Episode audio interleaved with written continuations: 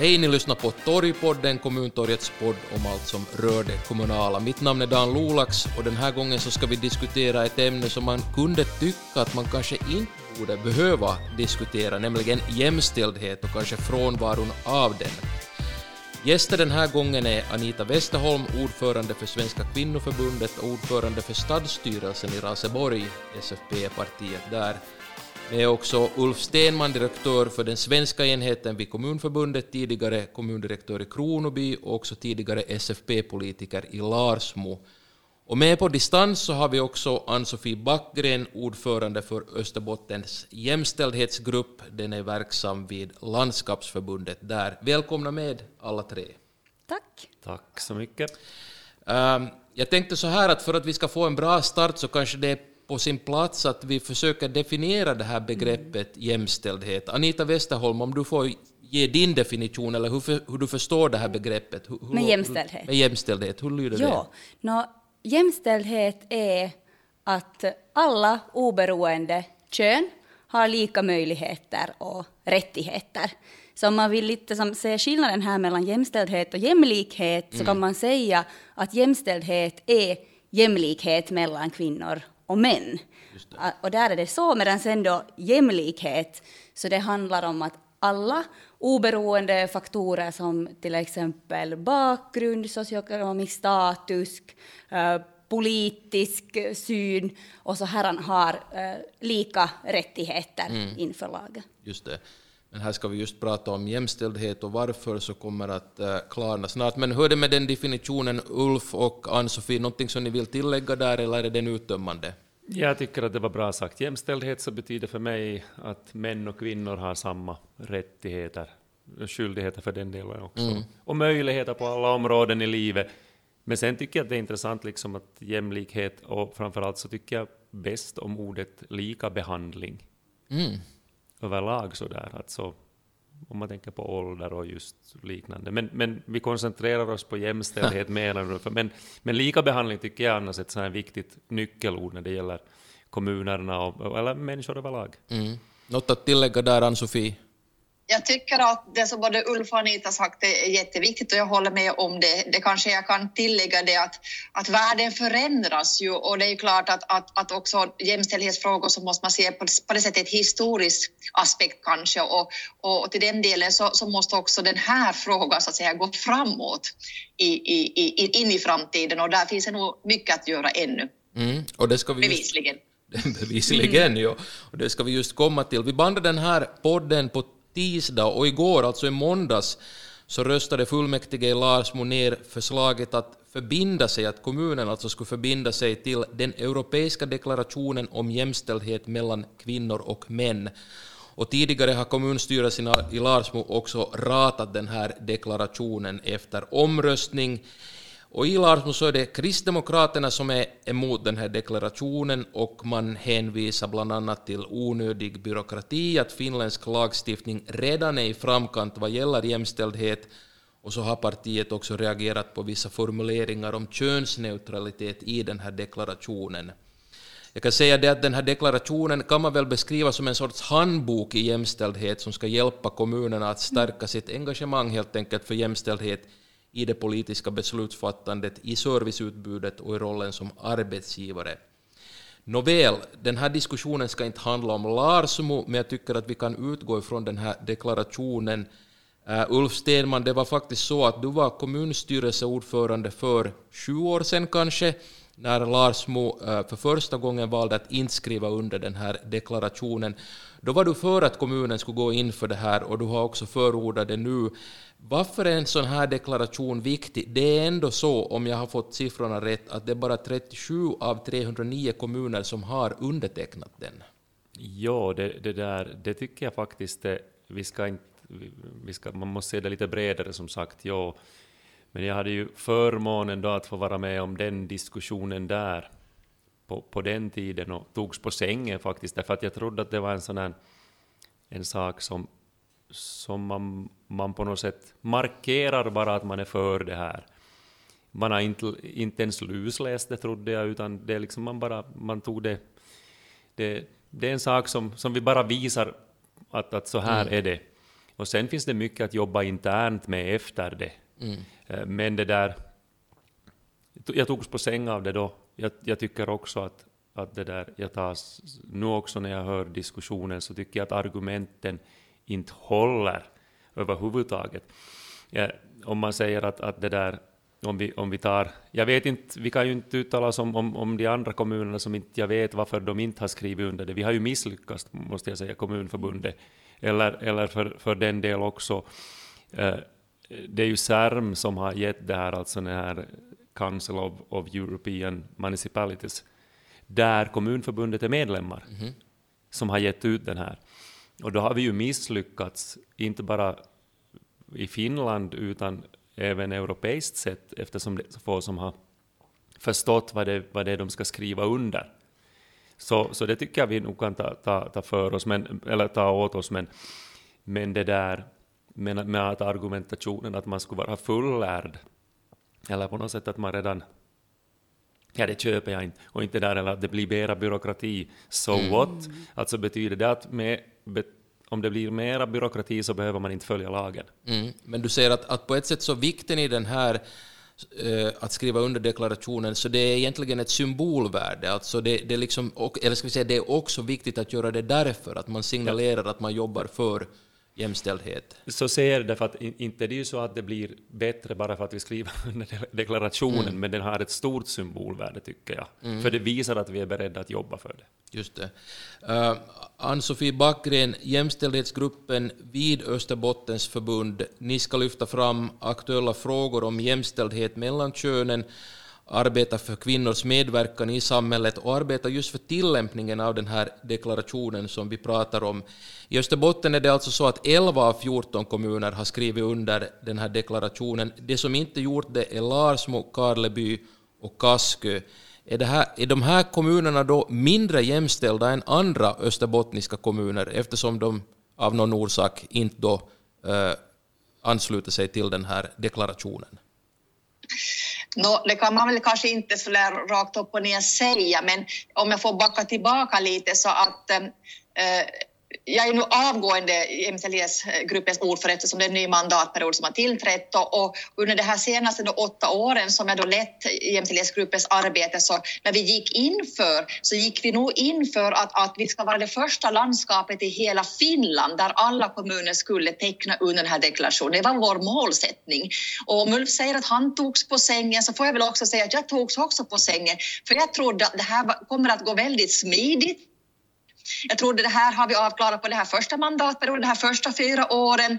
Och, och sen så visade det det var inte så här jätteenkelt. Så på det sättet så togs jag nog verkligen en överraskning, eh, togs med en överraskning också tror jag alla i den här jämställdhetsgruppen, för jämställdhetsgruppen består ju, in, består ju då både av kommunala representanter och förstås från, från landskapsstyrelsen men också från näringslivet och utbildningsenheter. Och, och där hade vi en ganska bred diskussion kring överhuvudtaget jämställdhetsfrågor i landskapet Österbotten som är viktigt viktig så att säga, strategisk satsning med tanke på framtiden eftersom vi då också har kommit fram allt tydligare här under resans gång att vi har en jättestrukturerad arbetsmarknad eller segregerad arbetsmarknad, förlåt. Mm. Så att på det sättet så, så krävs det nog verkligen insatser på, på, på många nivåer, inte bara på den kommunala, men alla, alla, alla som, som behöver bidra till det här jämställdhetsarbetet ur, ur, ur sin sektor och, och, och ur, ur sin sina, sina perspektiv.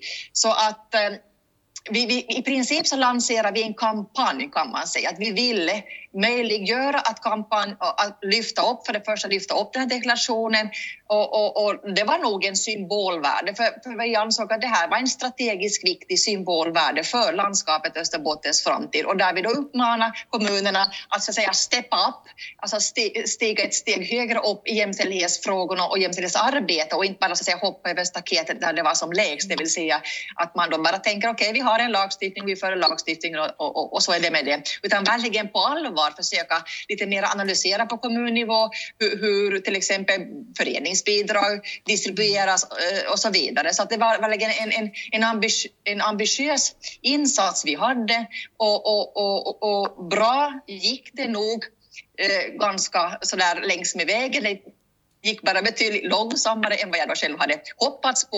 Och jag hade tänkt att då vi kommer till den här mandatperiodens slut så ska vi så att säga ha en sån här grande final där vi då ska kunna med, med stolthet deklarera att Österbotten, landskapet Österbotten är det första landskapet i hela Finland där alla kommuner har deklarerat och skrivit under det här. Och, och nu börjar så att säga med det här då konkreta arbetet mera då på kommunnivå. Men vi har lite kvar ännu och, och, och, och därför blir det som på det sättet väldigt överraskande. För jag tror ju nog att Larsmo på det sättet har slagit ett visst världsrekord. För mig veterligen har ju ingen röstat ner den här deklarationen två gånger. Så på det sättet så, så hjälps det nog inte att nog utmärker ju sig Larsmo till den delen anno 2021. Mm. Eh, och, och, och då, då, kommer vi säkert in mer på vad det beror på också överlag. Men, men men, men från Österbottens förbunds sida så var det en viktig framtidsfråga att vi ska få alla med på att jobba för mer då jämställdhet men också förstås jämlikhet. Mm. Så kanske ett, ett litet misslyckande om man vågar kalla det så, men givet eh, målsättningarna åtminstone så nådde ni inte riktigt fram. Uh, Anita Westerholm, uh, Raseborg var rätt tidigt ute med att, att teckna under den här deklarationen. Eh, betyder det då att du är stadsstyrelseordförande i en stad som är väldigt jämställd eller som väldigt aktivt jobbar för jämställdhet? Lite det här som Ann-Sofie var inne på, att först skriver man under och sen börjar man ta itu med det konkreta. Det har funnits gott om tid för Raseborg att göra det. Har staden gjort det?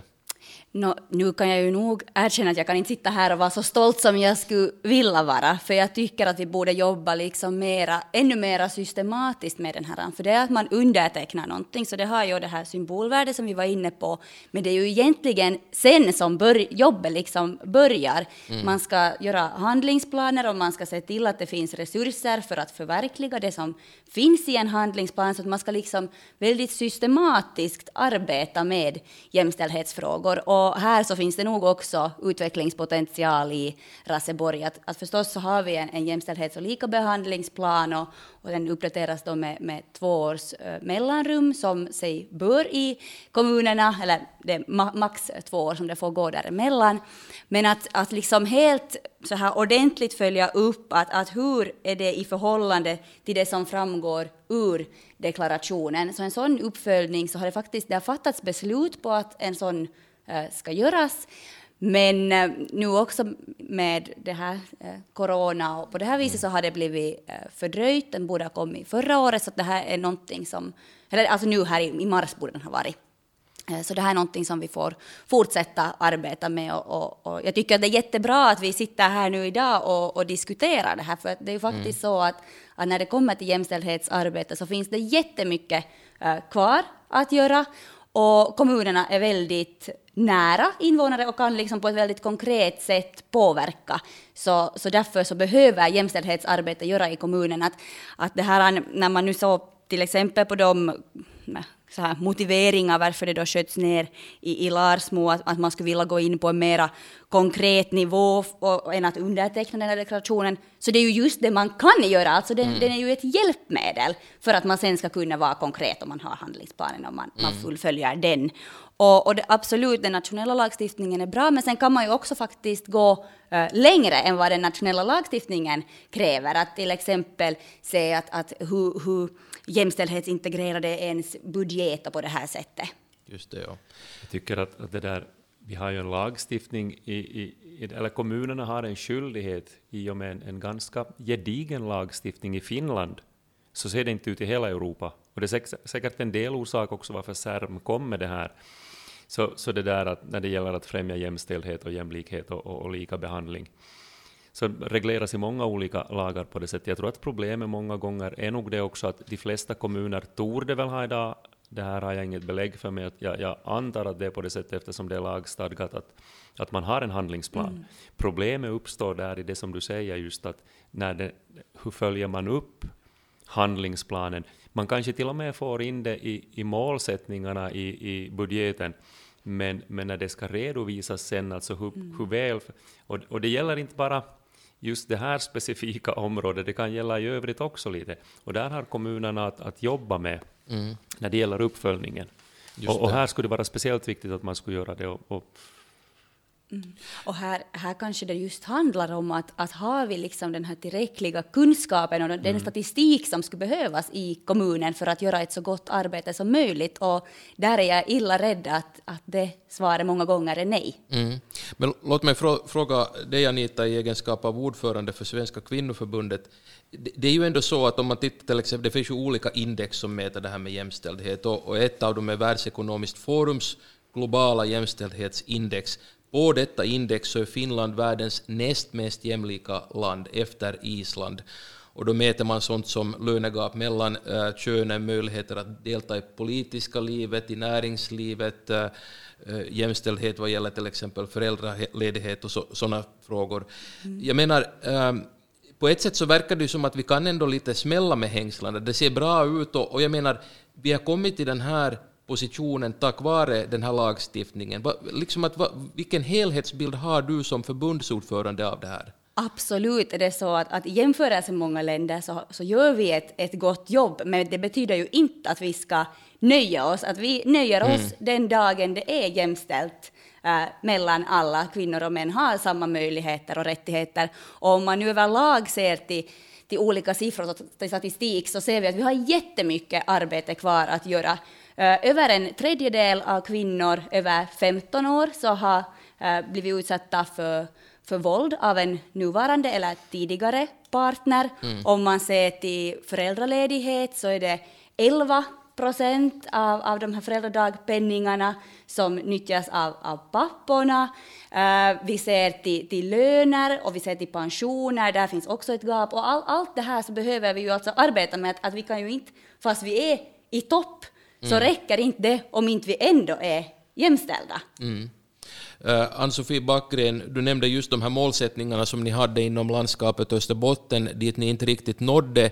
Men, men det verkar ändå finnas liksom ett, ett fokus på den här frågan, och jag antar att diskussionerna och ditt så att säga, fältarbete har gått så pass långt att du ser också var de här hindren finns för att liksom nå den här jämställdheten som vi pratar om här. Hur beskriver du liksom läget när det gäller just Österbotten? Att vad är liksom de här hindren? Jag ska säga att vi, vi, vi försökte systematisera det här arbetet faktiskt eh, med fältet från, från då landskapsgruppen, eller jämställdhetsgruppens sida och landskapet och, och vi genomförde så kallade runda bordsdiskussioner mm. Eh, för att komma så att säga, närmare de här sektorerna och identifiera i princip hinder och problem etc.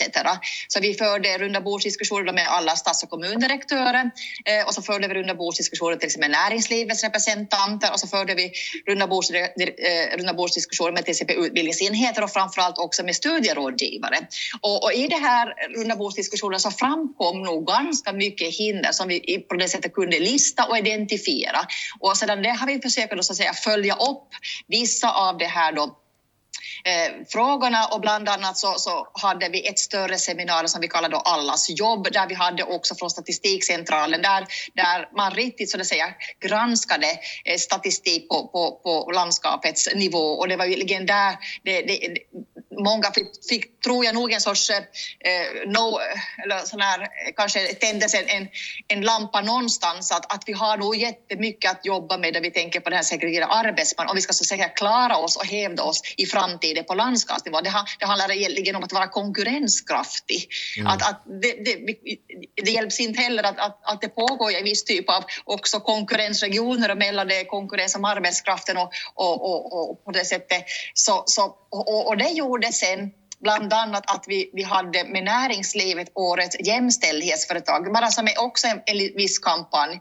Och, och, och det visade sig att, att först gick det också kanske lite trögt, men sen när näringslivet så att säga fattade galoppen och vi fick så jättemånga intressanta företag i Österbotten som skickade in i kampen om att bli årets jämställdhetsföretag. Och det tror jag också togs alla på säng ur en positiv synvinkel, att, att, att jösses och också våra näringslivsbolag var jätteöverraskade överraskande för de satt i jury. Att, att tänka att vi har sådana här fantastiska företag i Österbotten som på riktigt vill bevisa att man verkligen tror och, och, att, att, och, och anser att jämställdhetsfrågor är jätteviktiga för deras konkurrenskraft och de är villiga också att satsa och, och, och, och utveckla den här saken.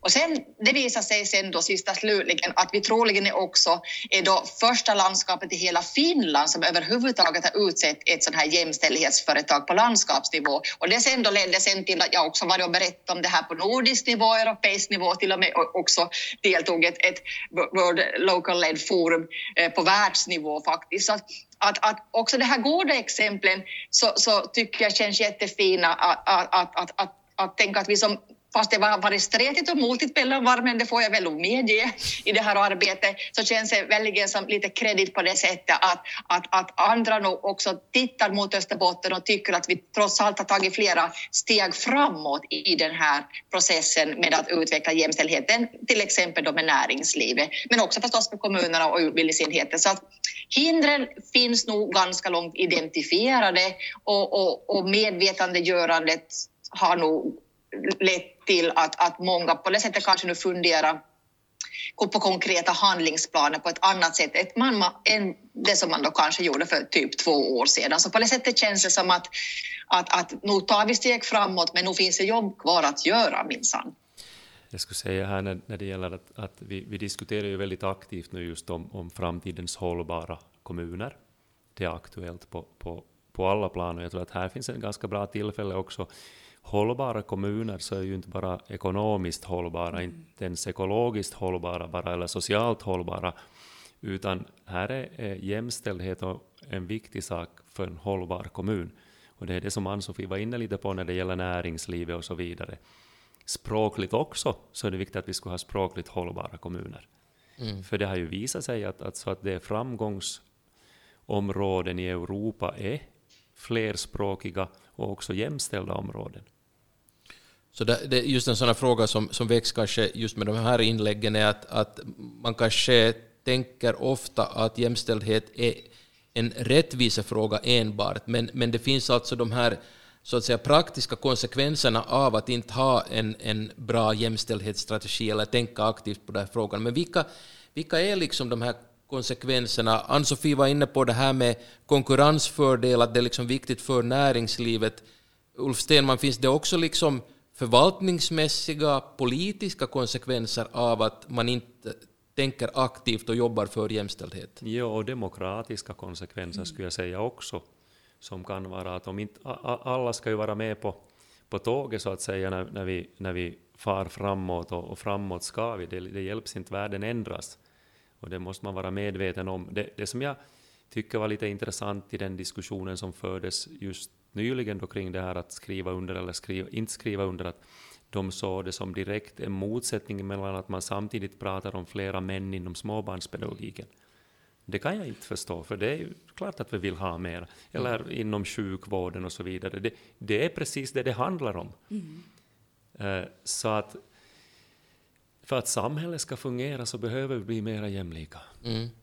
Vad säger, vad säger du Anita, just det här med, med konsekvenser av att inte liksom jobba aktivt mm. för jämställdhet? Um, liksom, får man ett, ett fattigare politiskt klimat, ett fattigare, liksom, en fattigare kommun andligt kanske också på något sätt ifall det här inte finns med överallt? Det tycker jag absolut. Nu blir ju ett beslut bäst om man har med så många olika perspektiv och erfarenheter och så här som, som gör det här beslutet, men också att hur beslutet sen påverkar mm. invånare. Mm. Och vi vill ju att alla ska ha det så, så bra som möjligt och då behöver vi ju faktiskt se till att det där beslutet också leder till det, att vi, vi liksom når målet. Mm. Uh, så att det är liksom så mycket mer en, en rättvisefråga på det viset på pappret, att det är ju helt i praktiken, i ens vardag, att det är en jämställd vardag man, man lever i. Mm. Ulf Stenman, jag måste ändå fråga, jag tänker att jag menar Kommunförbundet bistår kommunerna i en rad olika frågor och det finns jättemycket på agendan just nu. Det är social och hälsovårdsreform, det handlar om, om klimatförändringen, hur man anpassar sig till den, utbildning, eh, markplanering, och listan kan göras hur lång som helst. Hur står jämställdhetsfrågan i relation till alla de här andra frågorna som förbundet måste bistå kommunerna med? Hur, hur viktig är den? Nej, den är nog jätteviktig och, och nu lyfts den också, men, men det här visar ju att vi inte har lyft den tillräckligt, tycker jag nog. Och då mm. får man ju vara självkritisk. Att, att så är det. Och att, att den borde lyftas ännu mera. Vi har ju gjort handböcker, vi bistår med, med hjälp när det ska göras upp handlingsplaner. Eh, det ordnas nog utbildningar också, mm. men tydligen inte tillräckligt. Mm. mm om man får komma med ett önskemål så skulle den här uppföljningen vara kanske det som vi skulle borde samarbeta kommuner emellan. Att, att hur är vi liksom mest och mm. helt systematiskt arbetar med den här deklarationen. Så det, det skulle vara... Och det är ju jättebra tid att egentligen säga att nej men, hur, hur går vi nu vidare härifrån mm. på bästa möjliga sätt? Mm jag ska gärna sticka in där, för till exempel här i Österbotten då vi jobbar med det här, så vi tog ju jättemycket impulser från Sverige. Det är klart att Umeå finns på andra sidan vattnet där mittemot Vasa och Umeå har, har länge haft ett väldigt framstående jämställdhetsarbete. Vi har haft föreläsare från Umeå som har kommit till Vasa. Eh, vi har också haft kontakter med, med Finlands kommunförbund, motsvarande enhet i Sverige, Sveriges kommuner och regioner numera och, och, och deras då olika personer som har jobbat under resans gång med jämställdhetsarbete och hur de har också hållit någon form, man kan säga, någon form av utbildningspresentationer också hos oss. Och vi försöker så fånga upp deras sätt att arbeta lite med det här. Och sen ett tag så fanns det faktiskt också en, en, en, en rikssvenska som vi säger, eh, som, som fanns på Sämre i Bryssel. Så även hon hade vi engagerat föreläsare direkt från Bryssel en gång online för då österbottniska kommuner och, och, och intresserade eh, då ska vi säga, kommunalpolitiker och tjänstemän som är intresserade av den här frågan. Så att, att eh, som tips kanske att, att kunde Finlands kommunförbund göra någonting, eh, ta någonting eh, av de konceptupplägg som trots allt Sveriges kommuner och regioner nu ganska Eh, kanske längre har jobbat med de här frågorna och också ta fasta på någonting av deras utbildningskoncept och, och på något vis eh, omvandla den till någon sorts finsk kontext och finlandssvensk kontext och på det sättet lite mer systematiskt bjuda ut fortbildningar till kommunerna i dessa frågor. Så det, det, det, slänger jag lite som en boll här till, tillbaka till Kommunförbundet.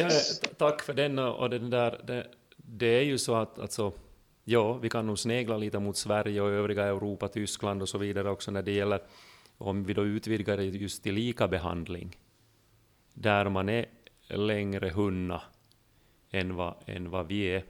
Mm. Och det där, och ja, när det gäller den här jämställdhetsfrågan så har vi tydligen inte gjort tillräckligt. Men det, där, men det är nog en viktig fråga på, som ständigt är på agendan. Mm. Och, och inte, jag har inte heller någon lösning på vilket sätt. Jag tror att det här är en bra sak att vi diskuterar det redan. Mm.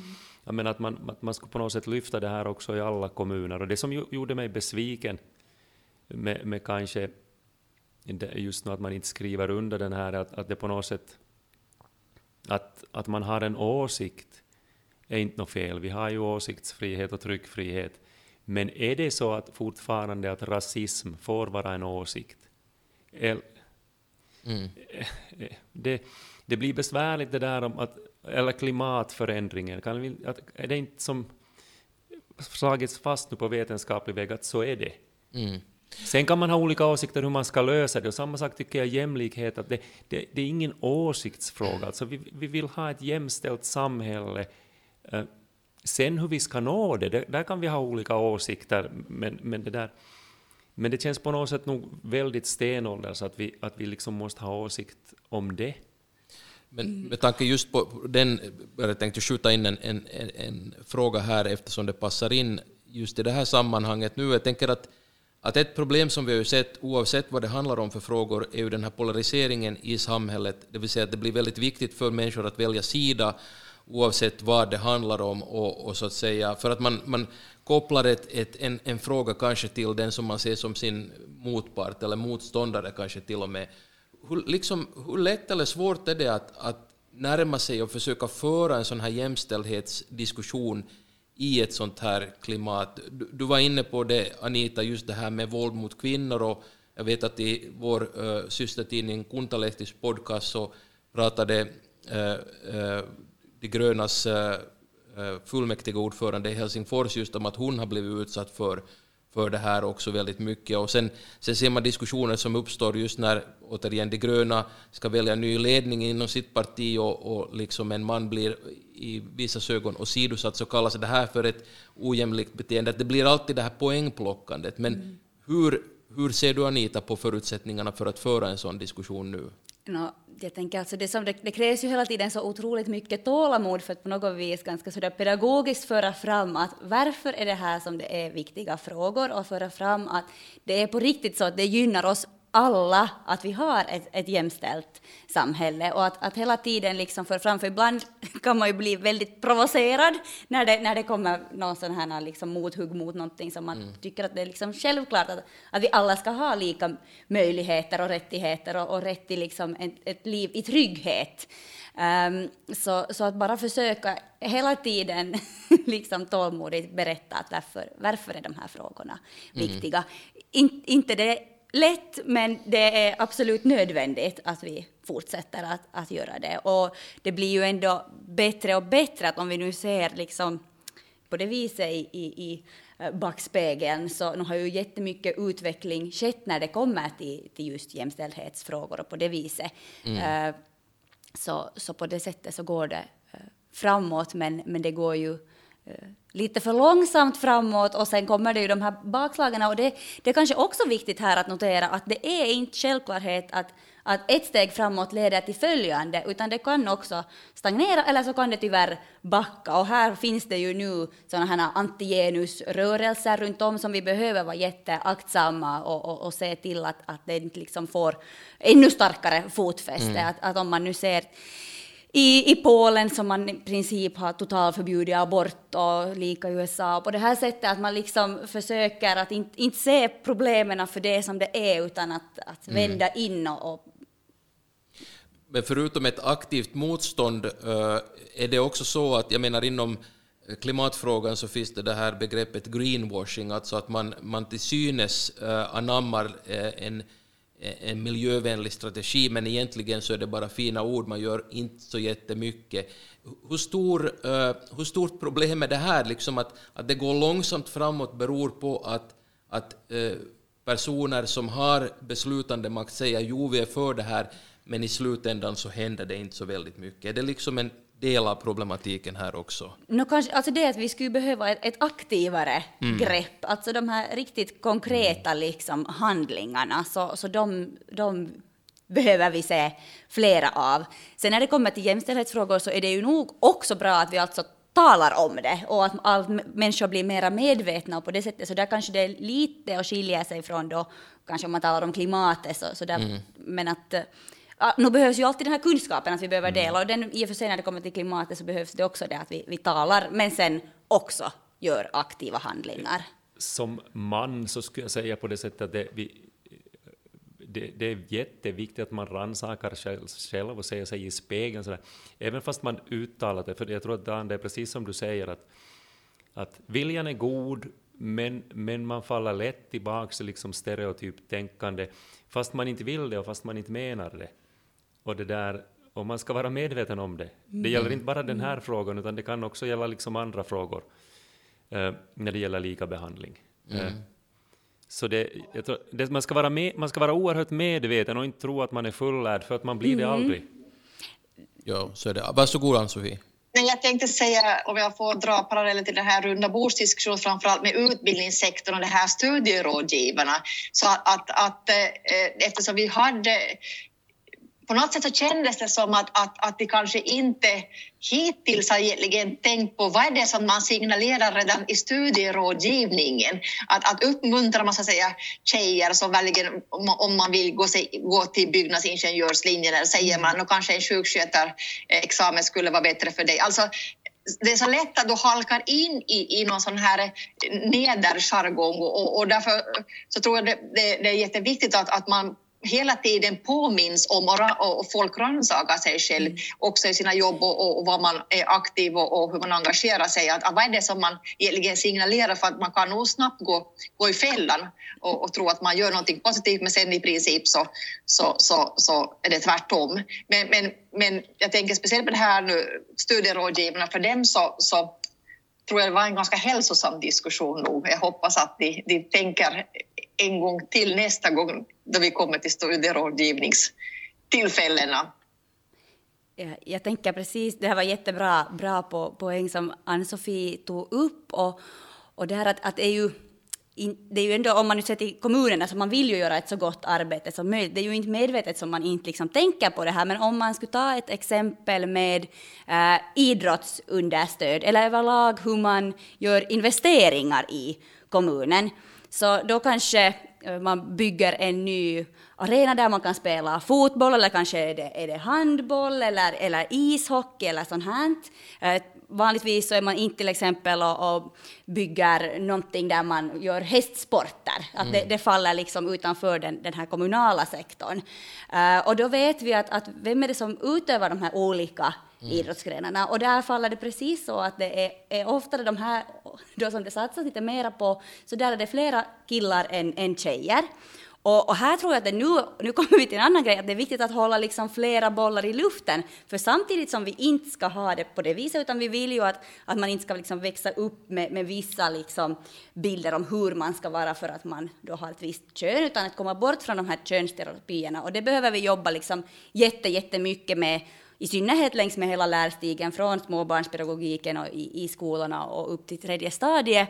Eh, men samtidigt som vi jobbar där så behöver vi ju se att hur fördelas nu de resurser vi har? Vem är det som får de här offentliga medlen? Mm. Är, det, är det liksom jämställt som de här utdelas? Och här är nog svaret, det skulle vara bra om vi skulle liksom tänka ännu mer, för skulle vi nu analysera så tror jag att det där eh, svaret skulle vara ganska svindlande i, i kommunerna. Så en I, sorts konsekvensbedömning ur ett jämställdhetsperspektiv? Ja, absolut. Mm. Okay.